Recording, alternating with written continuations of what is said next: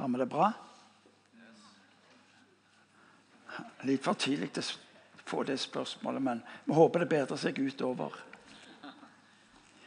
Eh, hvorfor det ble eh, onkel Skrue, vet jeg ikke, men det har jo noe med at han, han kunne det med å forvalte penger. Men han representerer samtidig noe av det mest tragiske i et menneske sitt liv. Nemlig evnen til å ikke kunne gi videre. Jeg kan ikke tenke meg noe mer tragisk i et menneske sitt liv enn at det ikke er i stand til å gi videre på en slik en måte at det blir, betyr en forskjell i mennesker sitt liv. I all sin velstand, onkel Skrue, så fremstår han som en stakkarslig utgave av arten. For han, han kan én ting. Han er ekspert på det der. Og så blir han allikevel den stakkarslige. Jeg har møtt folk som har vært så fattige de har omtrent ikke hatt noen ting å nåle i veggen. Men de hadde et fokus på å skulle gi ut. Og jeg møtte mennesker som var blant de rikeste som jeg noen gang har truffet. Og Det er egentlig det vi snakker om når vi snakker om, om, om Giver 2018. Det er, det, det er ikke primært å skulle ha et fokus på å få inn penger til IMI, men det er til å hjelpe hverandre til nettopp å bety denne forskjellen. Når vi snakker om, synger om å se Guds nærvær Hvis ikke det får konkret konsekvenser i ditt og mitt liv, så blir det bare tåke. Religiøs prat. Guds nærvær blir synlig gjennom det livet du og meg våger å leve ut i denne verden. Altså med andre ord det vi gir ut.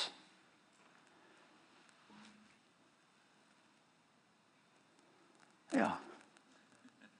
Pastor Salomon.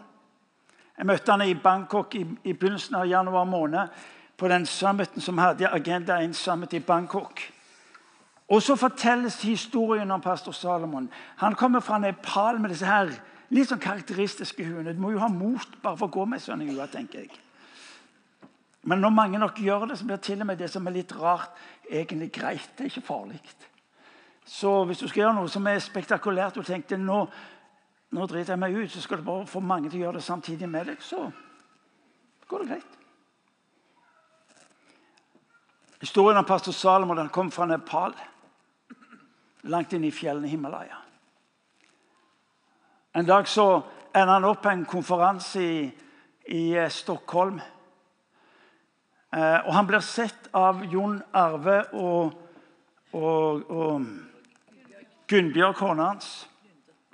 Lunde. Han passer familiekirka i, eh, i, på Sandnes. De er med i, aktivt med i Agenda 1.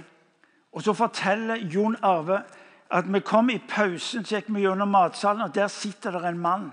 pastor Salomon. Vi visste ikke hvem han var. Vi kjente han ikke.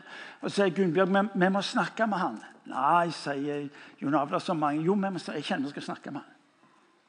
Og Så går de bort til han og begynner å prate med han, og så forteller, og så forteller pastor Salomon at han sitter der og ba til Gud fordi han hadde penger til å komme til Stockholm. Han hadde ikke penger til å komme hjem igjen. Og Nå ba han til Gud om at Gud måtte se han og møte han på det som var behovet. Og så får altså pastoren fra Nepal langt der inne være en del av Guds måte å handle på ved at han bruker mennesker til å bety en forskjell. Den lange historien kort. Han inviterer Jon Arve og Gunnbjørg til Nepal. Og så får han møte det Agenda 1 representerer av hjelp til å møte en vekkelse i Nepal som er helt spesiell. For en del år tilbake, ikke langt tilbake, 10-15 år tilbake, så var Nepal i stor grad lukka. Og så erfarer de hvordan Gud slår ned imellom dem med undertegn og mirakler. Hvor de får se et nedslag av Guds kraft som av en sånn karakter at vekkelsen bare bryter løs. Men som de sier, vi trenger hjelp til å hendle denne vekkelsen. Og så hørte vi om at det skulle være en konferanse i eh, Sverige. Så vi klarte å samle penger så vi kunne dra dit, men vi visste egentlig ikke hva vi møtte. Og så møter vi Jon Arve, som er involvert i eh, Agenda 1. Og så ender han opp med sitt team og møter oss i Bangkok i januar måned. Og nå er altså det de etterspør, og som de kjenner de trenger til, er på full fart inn i Nepal. Så spurte jeg ham du, fortell meg litt, hva er det som skjer i Nepal. Og så litt sånn beskjed du vet at vi har jo ikke så mye med. vet du, og, når du kommer til flyplassen der, det, Dette er ikke Katmandu, dette er de ute i bussen, bokstavelig talt. Og så sier han at det, du vet at Den flyplassen har, den er, den er, ikke imponerende. og Når du skal reise fra flyplassen og ut i fjellene, så er det, så er det snakk om esel og å bruke bein og sånn. Ja, men eh, hva er det som skjer? Nei, For to år siden så samla vi 1000 ungdommer til ungdomskonferanse. Sånn. Og siste år så samla vi 3000. Vi gleder oss over Impuls som samler sine 2500. Vi setter opp busser for de skal komme. Jeg har samlet 3000. Det, det er ungdommene. Og så får han altså lov til, ved at Jon Arve sier vet du hva? Ja men, ja, men vi har. Og så, og så, deler han det de selv har blitt velsigna med. For han betaler penger til å reise hjem, og så tar han med seg teamet sitt til Bangkok i januar. Og så er det noe som er på gang. Gud jeg holder på sagt, han, han regisserer hvordan mennesker kan få lov til å møte hverandre på en måte som har betydning. En gang til. Jeg kan ikke tenke meg at et menneske er mer fattig enn det mennesket som har mista evnen eller ikke har evnen til å gi. For når Gud handler inn i denne verden, så er det nettopp for at mennesker rundt oss skal erfare at Gud ser dem, han handler inn i livet deres og betyr en forskjell i livet deres. Vi skal starte med en beretning som, eh, som eh, på et vis i alle år har tatt meg. Fordi det er en beretning som Den er, så, den er på et vis annerledes. Når du og meg kommer til gudstjenester, når du og meg forholder oss til kirka, så, så, er det veldig ofte med et perspektiv av å skulle få. Denne måneden har vi valgt et fokus på å skulle gi.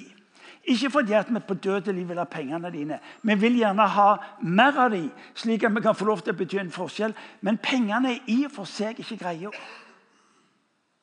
Og det andre er at Hvis du ikke gir dem fordi du kjenner at dette vil jeg være med på, så må du beholde dem. Fordi at vi vil ha det du kjenner på at dette vil jeg gi fordi at jeg tror det får lov til å bety en forskjell. Eh, la oss slå opp i teksten som kom her på, på, skjermen. og La oss lese teksten om denne dama. Og det var godt mulig at den dama som du og meg fikk presentert for oss ved Eiren sin skikkelse, er den samme dama som en dag kommer til Simon den spedalske hus. Der står det mens de lå til bords, kom det inn en kvinne med en alabaskrukke med ekte og kostbar nardussalve. Hun brøt krukken og helte salven ut over hodet hans. Noen som var der, sa forarget til hverandre, hva skal denne sløsinga med salve være godt for? Salven burde være solgt for mer enn 300 denarer og pengene gitt til de fattige.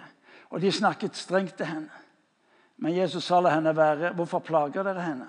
Hun har gjort en god gjerning mot meg. De fattige har dere alltid hos dere, og dem kan dere gjøre godt imot så ofte dere vil. Men meg har dere ikke alltid. Hun gjorde det hun kunne. Det er mulig det er den samme dama. I en parallelltekst står det omtalt at det var ei, dame med et frynset rykte. Det sies som Jesus, Hvis han hadde visst hvem hun var, så hadde han avvist henne. Det, det er påtagelig at når, når Gud møter deg og meg, så berører han hjertene våre mer kanskje enn hodet når det gjelder å sette oss i bevegelse. Bevegelsessenteret hos deg og meg sitter ikke i hodet, sitter i hjertet. Men det som skjer med denne damen, at hun handler i henhold til det hun kjenner hun skal gjøre, så begynner hun å bevege seg. Når Hun har kjøpt eh, eh, olje. Ja, Det fortelles at det tilsvarte en årslønn, 300 denarer. I dag er det ca. 350 000-400 000 kroner.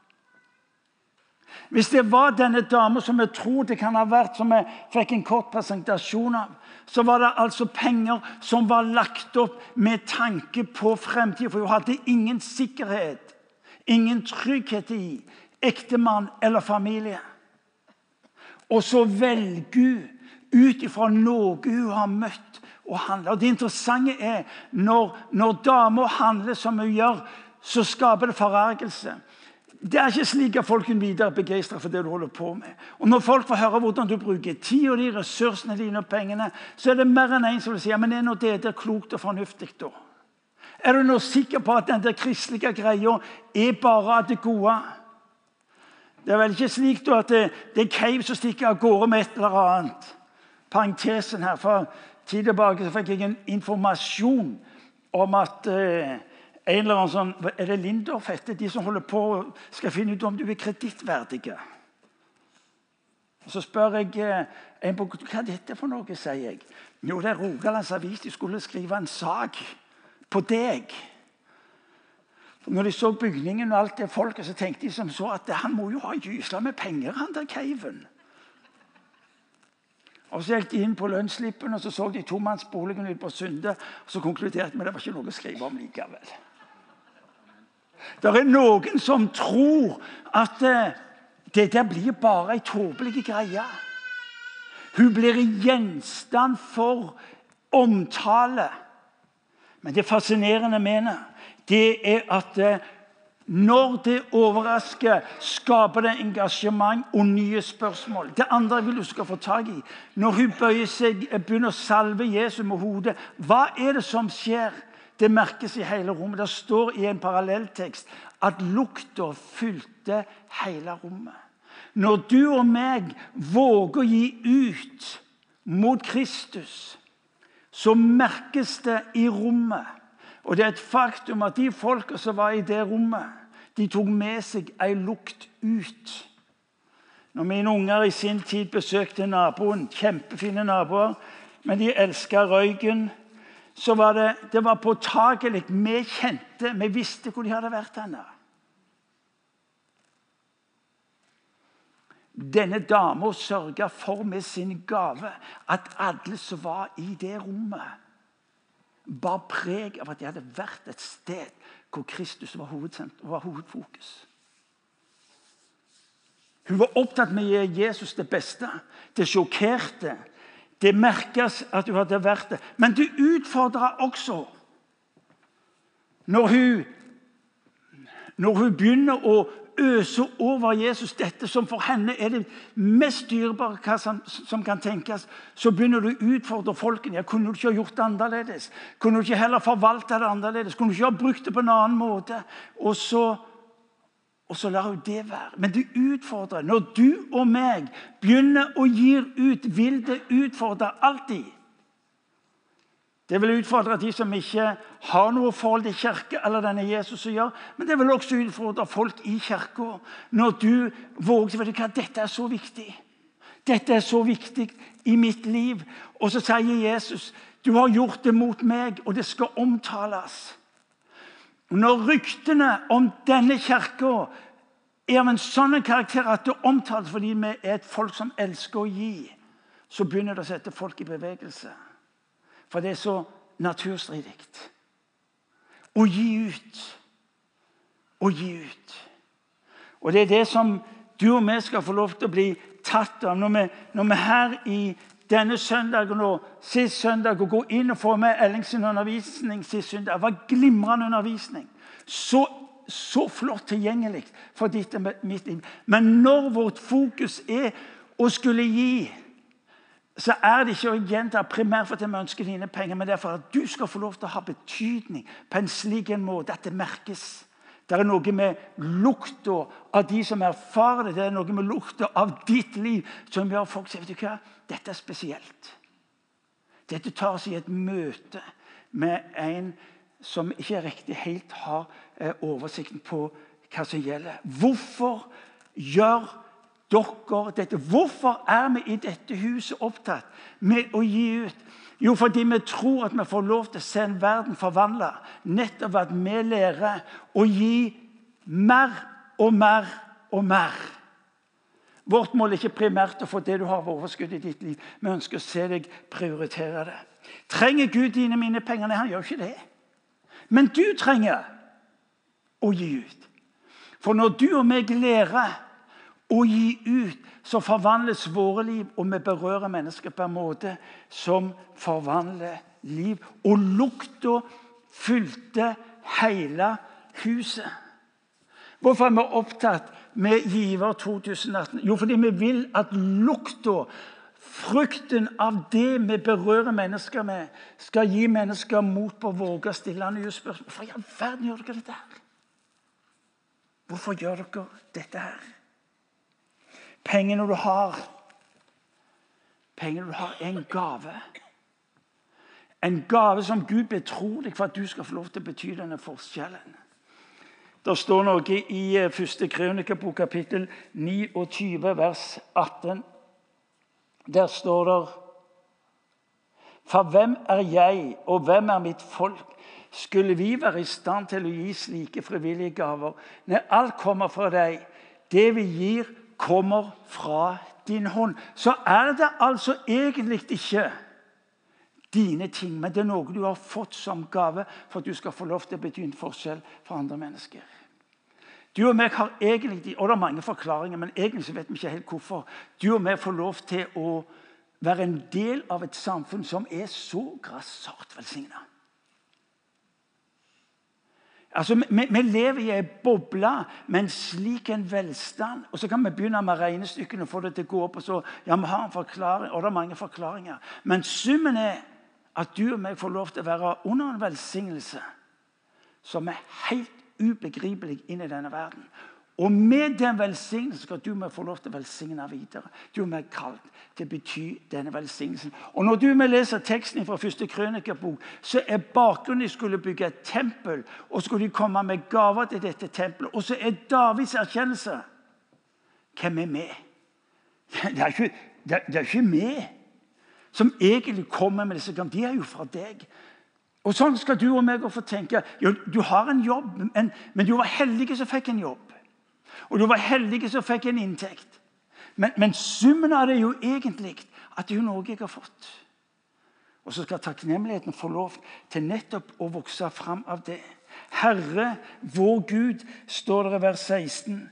All denne rikdommen vi har, den kommer fra deg, og alt er ditt. Denne dama som vågte inn i rommet og legge merke til det var definitivt ikke heiagjengen som var i det rommet. Så våger hun allikevel å være tro på at jeg har noe jeg vil gjøre mot denne Jesus, fordi han har møtt meg med nåde. Så blir altså ikke spørsmålet om dine penger et spørsmål om krav. Fordi du velger selv. Det er så interessant at Bibelen sier at Herren elsker en glad giver. Det er nesten som om Gud sier vet du hva? Hvis du ikke gir dem med, glede og ut av takknemlighet, så vil jeg ikke ha det. Det er det som sier bare behold dem. Men hvis du får lov til å sitte her og tenke ja, jeg er jo egentlig som denne dama. for han som møtte meg med nåde. Som ikke behandler meg i henhold til prektighet eller prestasjon. Og som fortsetter å lyse sin velsignelse over mitt liv. Hør nå. Pengene er en gave. Men for mange av oss ble pengene også tryggheten. Denne dama i beretningen velger å ta det hun har av penger, plassere det i noe så meningsløst som parfyme. Jeg er klar over det er en mann som sier det. Det er forskjell på min roll-on og det kona mi presterer å gå hen og kjøpe den butikken. Og det er bra. Jeg så det med god lukt. Det er forskjell på det. Meningsløst. Nei. Ikke når hjertet Ikke når hjertet er utsendelsesstedet. For det har konsekvenser. Og Sånn er det med det Gud har gitt oss. Du og meg får lov til å ha vår trygghet. Ja, men her nå. Hvor lenge er du trygg på pengene? Jo, det er akkurat så lenge som du har dem. Så hvis din trygghet går på det du har, så tenker du kortsiktig. Det står en utrolig sterk tekst i, eh, i eh, Malakias kapittel 3. Det er i Det gamle testamentet. Og Der leser vi Kom med hele tienden til forrådskammer. Tienden det var en praksis som jødene hadde i Gamle testamentet. Tiendene var altså eh, førstegrøten. Når de hadde sådd og skulle høste inn, så var altså første delen Førstegrøden de, det skulle de gi til tempelet. Forrådshuset er et forrådskammer, et bilde på uttrykk for tempelet. Så det finnes mat i mitt hus. Prøv meg på denne måten, sier Herren over herskerne. Jeg skal sannelig åpne himmelens sluser og øse utover dere velsignelse uten mål. Den som eter opp, skal de skremme bort for dere, så de ikke ødelegger åkerens grøde, og vinstokkene på marken ikke kaster frukten, på marken ikke kaster frukten, sier Herren over herskerne. Altså det, det vi leser, det er at hvis du har den trygghet i pengene, så er det det du har. Og det, og det holder akkurat så lenge som du har dem. Men hvis du, får, hvis du, ser at hvis du bærer dem inn i mitt hus, altså la meg få lov til å være en del av det du gjør med pengene, så ligger det beskyttelse. Bibelen ønsker at du og vi skal få lov til å se at det vi har av ressurser Gud har gitt oss, i det når vi gir dem til Herren, i det ligger det beskyttelse. Det betyr at jeg skal slippe å se på pengene og tenke at dette er det jeg har. Nei, det er fordi Skriften sier at når du har nådd til enden av det du har, ja, da har du begynt på det han har. Og Det er så mange vitnesbyrd i dette huset om at jeg nådde et punkt jeg hadde ikke mer. En god venn av meg som, som ble utfordra på livet, og som gikk til banken og skulle få lån på huset. og så og så sier banken det er greit, eh, hvis det er dette som er utgiftene dine, så skal du få lån. Men jeg, jeg fortalte ikke om at jeg ga tiende til menigheten. Så. For Hadde jeg fortalt at jeg ga tiende til menigheten, så hadde jeg ikke fått lån. Og vitnesbyrdet for dette mennesket Jeg har aldri mangla noen ting på forpliktelser og det livet som jeg opplevde at Gud hadde kalt meg til å leve. Der ligger beskyttelse i når du og meg sier Gud, alt jeg har, det har jeg fått av deg. La meg få lov til å bruke det på en måte som gjør at eh, ditt navn blir æra, og mennesker rundt meg skjønner at du er en Gud som er god. Men det er ikke kravet, men det er takknemligheten som styrer. Da står det da skal alle folkeslag prise dere lykkelige, for da har dere et ønskeland, sier Herren herskernes Gud. Du og meg er gjenstand for observasjon fra de som står utenfor. Hva betyr denne guden i ditt liv? Hvilke konsekvenser har han for ditt liv? Det er interessant at Bibelen sier litt om du som er gjerrig, du høster gjerrig. Du som er raus og gir ut, ja, du høster raust og gir ut. Bibelen inviterer deg og meg til å bli en del av hva Gud gjør, og så kaller han det for ønskeland. Det er interessant. Det står også at eh, jeg vil skremme bort gresshoppene. leste med dette. Jeg vil skremme bort gresshoppene fra dere. Det som vil ødelegge, ta fra deg det som representerer det gode livet for deg og de som er din familie. Hør nå. Bibelen forteller du skal få lov til å være glad for pengene du har, men hvis du setter din lit til dem, ja, da tenker du kortsiktig. Bibelen er opptatt med at du skal få lov til å se på det du har av ressurser. Skal du få lov til å se ha konsekvenser fram til himmelen. Når du og meg tenker penger, tenker vi ikke bare for maten i dag, men vi tenker helt fram til himmelen. Og, og, og her rører vi nettopp med forvaltningen. Pengene skal forvaltes.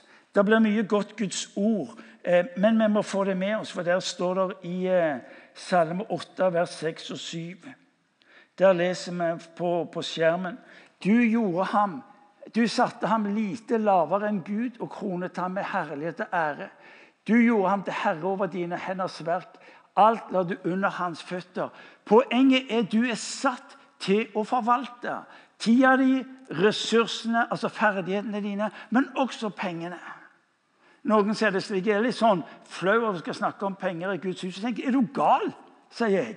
Det er jo fenomenalt at vi kan snakke om penger i kirka. For når vi våger snakke åpent om penger, og folk skjønner vet du hva, Jo mer jeg forvalter dette i henhold til det jeg tror er Guds plan, og det som har betydning i mennesker rundt meg, ja, hva skjer da? Noe vokser fram. Noe har betydning i livet mitt. Og det er så mange av dere i dette huset som lever nettopp dette, nettopp å forvalte dem. For et par-tre år siden så Ja, la meg si det først. Bare sånn at vi får lov til å være ærlige på det.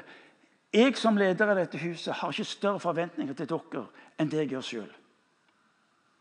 Jeg forventer ikke at dere skal gjøre noe mer enn det jeg sjøl er villig til å gjøre. Og Det betyr at Irene og meg for mange år siden bestemte oss for å, å si vet du hva? Tiden er ikke mål for oss, det er bare gulvet. Det er mulig du tenker at dette er vel prektig og, og, det er greit nok å si det fra. Ja, men det er fordi at du skal vite at det jeg sier, er det samme som jeg sier til oss. Irene meg, og noen av dere vet det, Irene meg gir ca. 20% av alt det vi tjener. gir vi tilbake til Guds rike. Vårt mål er å gå videre. Men det er fordi vi ønsker at dere skal vite ok, han sier ikke noe annet til, til oss enn han sier til seg sjøl. Har ikke mangla noen ting. Ja, det er riktig, Vi bor i en tomannsbolig, men der bor vi gysla godt. Kanskje litt lenger ned på veien så får vi et annet hus. Men det betydde at når jeg utfordra folk for noen år tilbake så jeg vet du hva, Det er så mye nød hos en del av folket i meg. Vil dere være med og gi inn i livet deres? Og så sier jeg jeg trenger 10 000 kroner fra syv-åtte stykker av dere. Og så sier jeg og jeg har lagt ned de første 10 000 sjøl. Alle responderte og sa vet du hva, dette vil vi være en del av. Dette vil vi være en del av. Det er folk i denne salen i denne menigheten, som har et ønske til at livet skal bety en forskjell. Og når de får utfordringen, ja, så, omfatt, så omslutter de den fordi de vil være en del av den. Forvaltning, som betyr forandring i mennesker sitt liv. Du gjorde han lite ringere. Du har satt han til herre over dine henders verk. Når du og meg får lov til å erfare rikdom i tid, i, i uh, ferdigheter, i ressurser, i penger, så skal du og meg få lov til, når vi er satt til å si Gud, hva, hva, vil du gjøre? Hva, hva er det du gjør her? Hvordan vil du at dette skal komme til uttrykk gjennom de menneskene? Ved bruk av tid, ved bruk av ressurser og ved bruk av penger. Alle er vi forvaltere. Alle får vi lov til å se at det Gud har betrodd oss, det multipliserer. For det er jo nettopp det som skjer. Einar Lundby, tidligere psykiater fra Modum Bad, han sa det slik at når jeg ser hvordan Gud velsigner når jeg gir, så er det nesten så jeg blir fristet til å spekulere.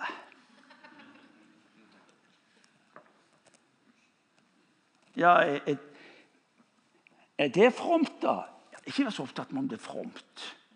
Av det så sier folk ja, men jeg er ikke sikker på om jeg har de rette motivene. Ja, men Det betyr da vel ingenting, det. Den som mottar pengene, er da ikke opptatt hvilket motiv du måtte ha. De som får pengene, opplever å få hjelp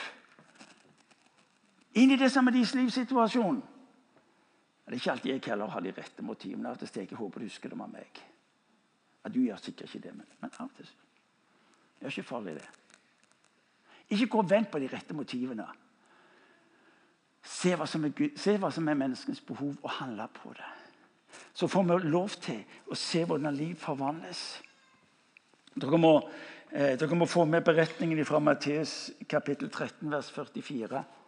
Eh, Himmelriket kan lignes med en skatt som var gjemt i en åker. En mann fant den, dekket den til igjen, og i sin glede gikk han bort og solgte alt han eide, og kjøpte åkeren. Jeg syns det er fascinerende, det der.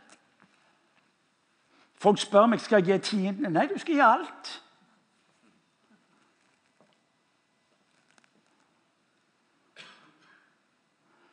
Det har ikke tenkt.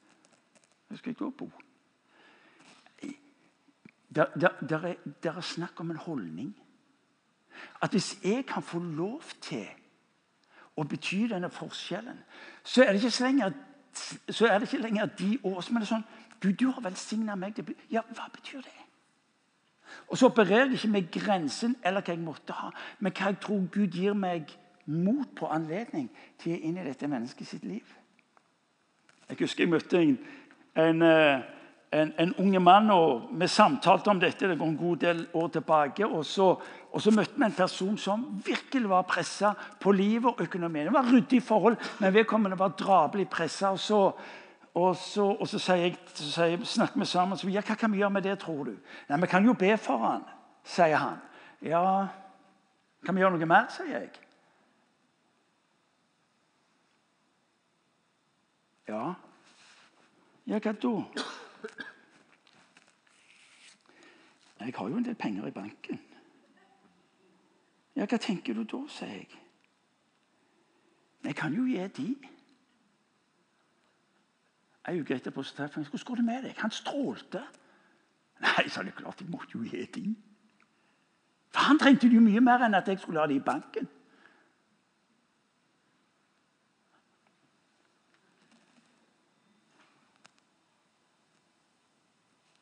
Det ble veldig stilt. Wow. Luther sa det slik at menneskering er to omvendelser. ene er på hjertet, det andre på lommeboka. Nei, altså... Men hvis ikke du og meg vil la oss utfordre på dette, vet du hva? så løser vi det ved å be. Og det skal du gjøre. Be og arbeid. Be for mennesker i nød. Arbeid betyr Kan jeg gjøre noe med det? Ja, så gjør du noe med det. Ikke verre enn det. Ja. Det er det som er så fascinerende. Du leser beretningen om brødunderet. Du leser om det i Matteusevangeliet. Dere har lest beretningen om brødunderet?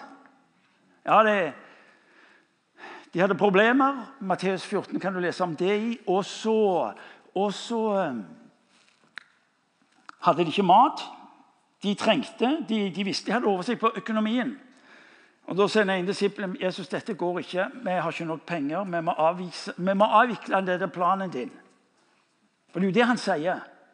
Jesus, har altfor mange. Send dem hjem. Lys velsignelsen og send dem hjem. Og så sier jeg nei, dere kan gi dem å, å spise.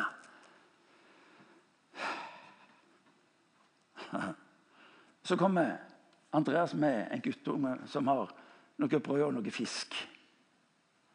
Jeg lurer på hvordan han klarte å få tak i den maten.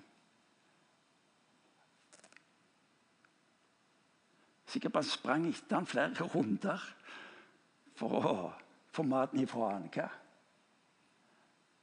Nei, jeg vet ikke. jeg. Men i hvert fall så hadde han meg rart. Jeg lurer på hvordan i verden fikk du tak i den maten. Den brødet, den For mor hadde sagt dette er din mat. Spis den, ikke del med andre. For det er ikke nok med andre. Så da kommer det en svær, kraftig fyr. vet du. Kan jeg få maten din? Men poenget mitt er, det var ikke poenget nå, men poenget er i beretningen, det er jo at når, når mesteren får det, og få lov til å lese velsignelsen over det, så blir det til multiplikasjon. Det vil si det blir til mat for tusener av mennesker. Når du ser på det lille du har Poenget er ikke volumet, men at du gir med et glad hjerte. Og så ble det altså til mat for flere tusen mennesker. Når du ser i kirka og Nå henvender jeg meg til dere som går her først. Når du ser i kirka og hører om det livet som leves vet du hva? Det leves fordi at mennesker har sagt at du kan. dette vil jeg være en del av. Dette vil jeg gi inn i. Dere kan regne med at jeg skal ta et ansvar for det som skjer her. Når du hører Kambodsja vet du hva? Det har ikke skjedd noe i Kambodsja om det ikke var for at dere sa okay, dette vil vi være en del av. Når du hører om Godhet Norge, hvordan det sakte, men sikkert driver på og beveger seg rundt i landet og får lov til å prege Det hadde ikke skjedd om ikke det var dere som var villige vet du hva? Dette ville vi gi inn i. Når vi i dag har 120 norske menigheter og forsamlinger som sier vet du hva, vi trenger hjelp til å komme videre, for det er noe som har stoppa opp hos oss. Og så får vi lov til å gi dem det de trenger. Vi hadde ikke hatt ressurser til å gjøre det om ikke dere var de som sa ok, dette vil vi gi inn i. Og Sånn er historien vår på område etter område. Tenåringene våre. Når vi trengte til å se at vi trengte flere ledere i tenåringsarbeidet, ja, hva gjorde dere? Sa dette vil vi være med på. Når vi har altså 300-400 barn og ungdommer som en del av vårt arbeid Imi kirke mottar ikke fem øre i tilskudd fra staten. Alt kommer fra dere. Og så er det som vi kjenner at Gud holder på å ta oss til et nytt nivå. Ja, Hva betyr det? Du og meg må gi mer. Ja, men er det noe problem, da? For når du og meg gir mer, så velsignes vi jo Jeg tror jeg hadde klart jeg gjør det. 66 år og overlevd på denne praksisen min, og folk rister på hodet og sier Martin, du er dum. Jeg sier jeg tar han, lever vel med det, men overlever fordi en får lov til å være noe Guds velsignelse. Det er klart dere kommer til å bli utfordra mer. Det er derfor vi har denne giveraksjonen. Vi må ha veiledningstjenesten vår. Mennesker kommer inn og så vil de si vet du hva, det forvandler livet. Her sitter Anders og trener ledere som veiledere som kommer inn, og så, og så får vi bare høre hvordan det betyr en forskjell. Helbredelsesrommet hvor det kommer folk inn som ikke har noe med Gud å gjøre, er fremmed for han, Så kommer de inn og så erfarer de at Gud griper inn i livet. Hva er det vi gjør for noe? Ser på dette lille lam her. og så, og så er vi mange nok sammen som, som, legger det inn, og så er det noe som vokser mellom oss. Hva er det du ser? Ser du giver? Å, jeg må holde fast på pengene. For Nei, nei, nei. Giver betyr at nå skal jeg få lov til å komme nær denne dusjen av velsignelse. Og nå skal jeg få lov til å gi ut som jeg aldri før har fått lov til å gi ut. Fordi det jeg ser, skje til at mennesker velsignes. Én strør ut og får likevel mer, en annen gjerrig og må enda lite nød. Du og meg skal få lov til og så skal jeg slutte, så skal du og meg få lov til, som en del av Guds rike mentaliteten, gi ut. Ja, hvordan gjør jeg det? Ganske enkelt for at du skal få lov til å si OK, jeg signer opp for uh, Giver 2018. Jeg vil være med. Kanskje har du vært opptatt med å holde på pengene dine. Nå er tida til, til å løse de ut. Noen setter de i aksjer, noen setter de i bitcoin eller, eller hva det måtte være. Det er ikke stor risiko på det du investerer her. Jeg vil være med. Noen av dere trenger å justere opp. Dere har ikke justert opp på årevis. Trenger å justere opp, slik at vi kan lykkes med å nå ut og berøre. Du velsignes.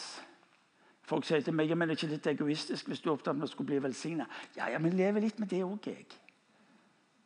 Er du med? Det er ikke så farlig, det. Det går greit. Men poenget er at jeg velger å sette deg har i bevegelse, på en slik en måte at de menneskene erfarer at Gud er god fortelles om Urkirke at eh, de tok det de hadde, la det på bordet for eh, apostlene, og så fordelte de i henhold til det de hadde behov for. Det er det vi egentlig ber dere om å gjøre. La givertjenesten gå til huset, og så kan vi få lov til å gi det ut som vi tror det er klokt av oss å forvalte pengene. Og Så ser du resultatet, og så ser du frukter av det vi holder på med. Eh, praktisere ja, Du kan gjerne starte med tiden, men det er ikke målet. Men det er godt mulig å si at jeg, ikke, har ikke råd til det. Nei vel, la meg se det på en annen måte. Du, du har ikke råd til å la være å gjøre det. Det er nesten som bonden som har låven full av, av, av, korn. Hvis du ikke tar ut og begynner å plante, så ut det du har, ja, så blir det det du har. Tenk, wow, Gud sier noe om at når jeg gir, så velsignes jeg tilbake, slik at jeg har det jeg trenger, og enda mer enn det jeg trenger. Men enda viktigere, jeg får lov til å se mennesker berørt. Jeg får lov til å se Hans navn ære. Avtalegiro kan gå inn på hjemmesida og si dette vil jeg være med på, dette vil jeg være en del av. Skal vi reise oss litt? Grann?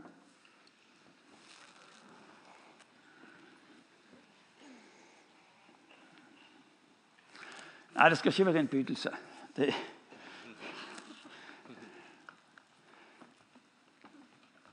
Men, men, men, jeg vil du skal lære litt av denne dama som du hørte om innledningsvis. Helt fra jeg leste den beretningen som ny kristen, så gjorde hun et gyselig inntrykk på meg. Hun gjorde det hun kunne, og hun gjorde det mot meg. Når vi snakker om penger i dette huset, så snakker vi ikke primært penger til Imi, men snakker om penger til han. Vi våger rett og slett å være så jeg kunne sagt, arrogant i vår selvforståelse, fordi at dette handler ikke om oss, men det handler om Han. Og Hvis du og vi kan få lov til å leve i det, så tror vi at Hans navn blir æra ved at mennesker erfarer at Gud er god og er kommet i nær. At Kirka ikke bare hadde velmente råd på krevende livssituasjoner, men Kirka vågte å trå, å trå nær. Denne dama i beretningen, hun med olja med litt frynsete rykte. Jesus sier overalt hvor det fortelles om meg, skal det fortelles om henne. Jeg syns det er fascinerende. Ikke om Peter og Johannes og ja, De blir bare med i dragsuget, de. Men denne dama som tok et steg fram. Og det er det du inviteres til. Jeg vet ikke hva som er de oljekrukker. Men han kaller oss til å bety nettopp denne forskjellen. For at du sier, vet du hva? Jeg vil. Jeg vil være med å gi i dette. Jeg vil plante mine frøene i dette.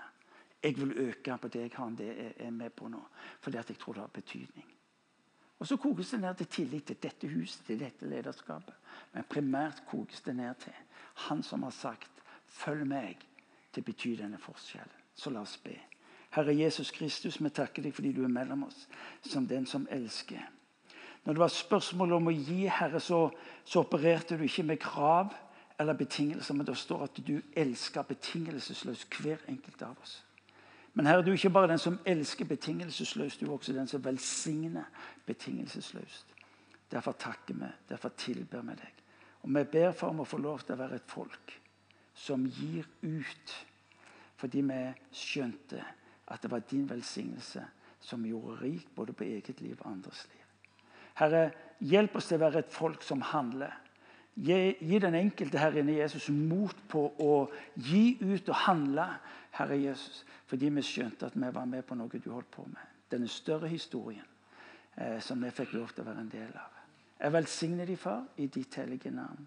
Jeg takker deg, far, for de skal ikke mangle noen ting. Og jeg ber for om at du skal forløse en glede og en takknemlighet i den enkeltes hjerte, som gjør at de drives eh, mot Herre deg for nettopp å gi videre Herre det du hadde velsigna med. Jesus, i ditt navn er det vi ber. Amen.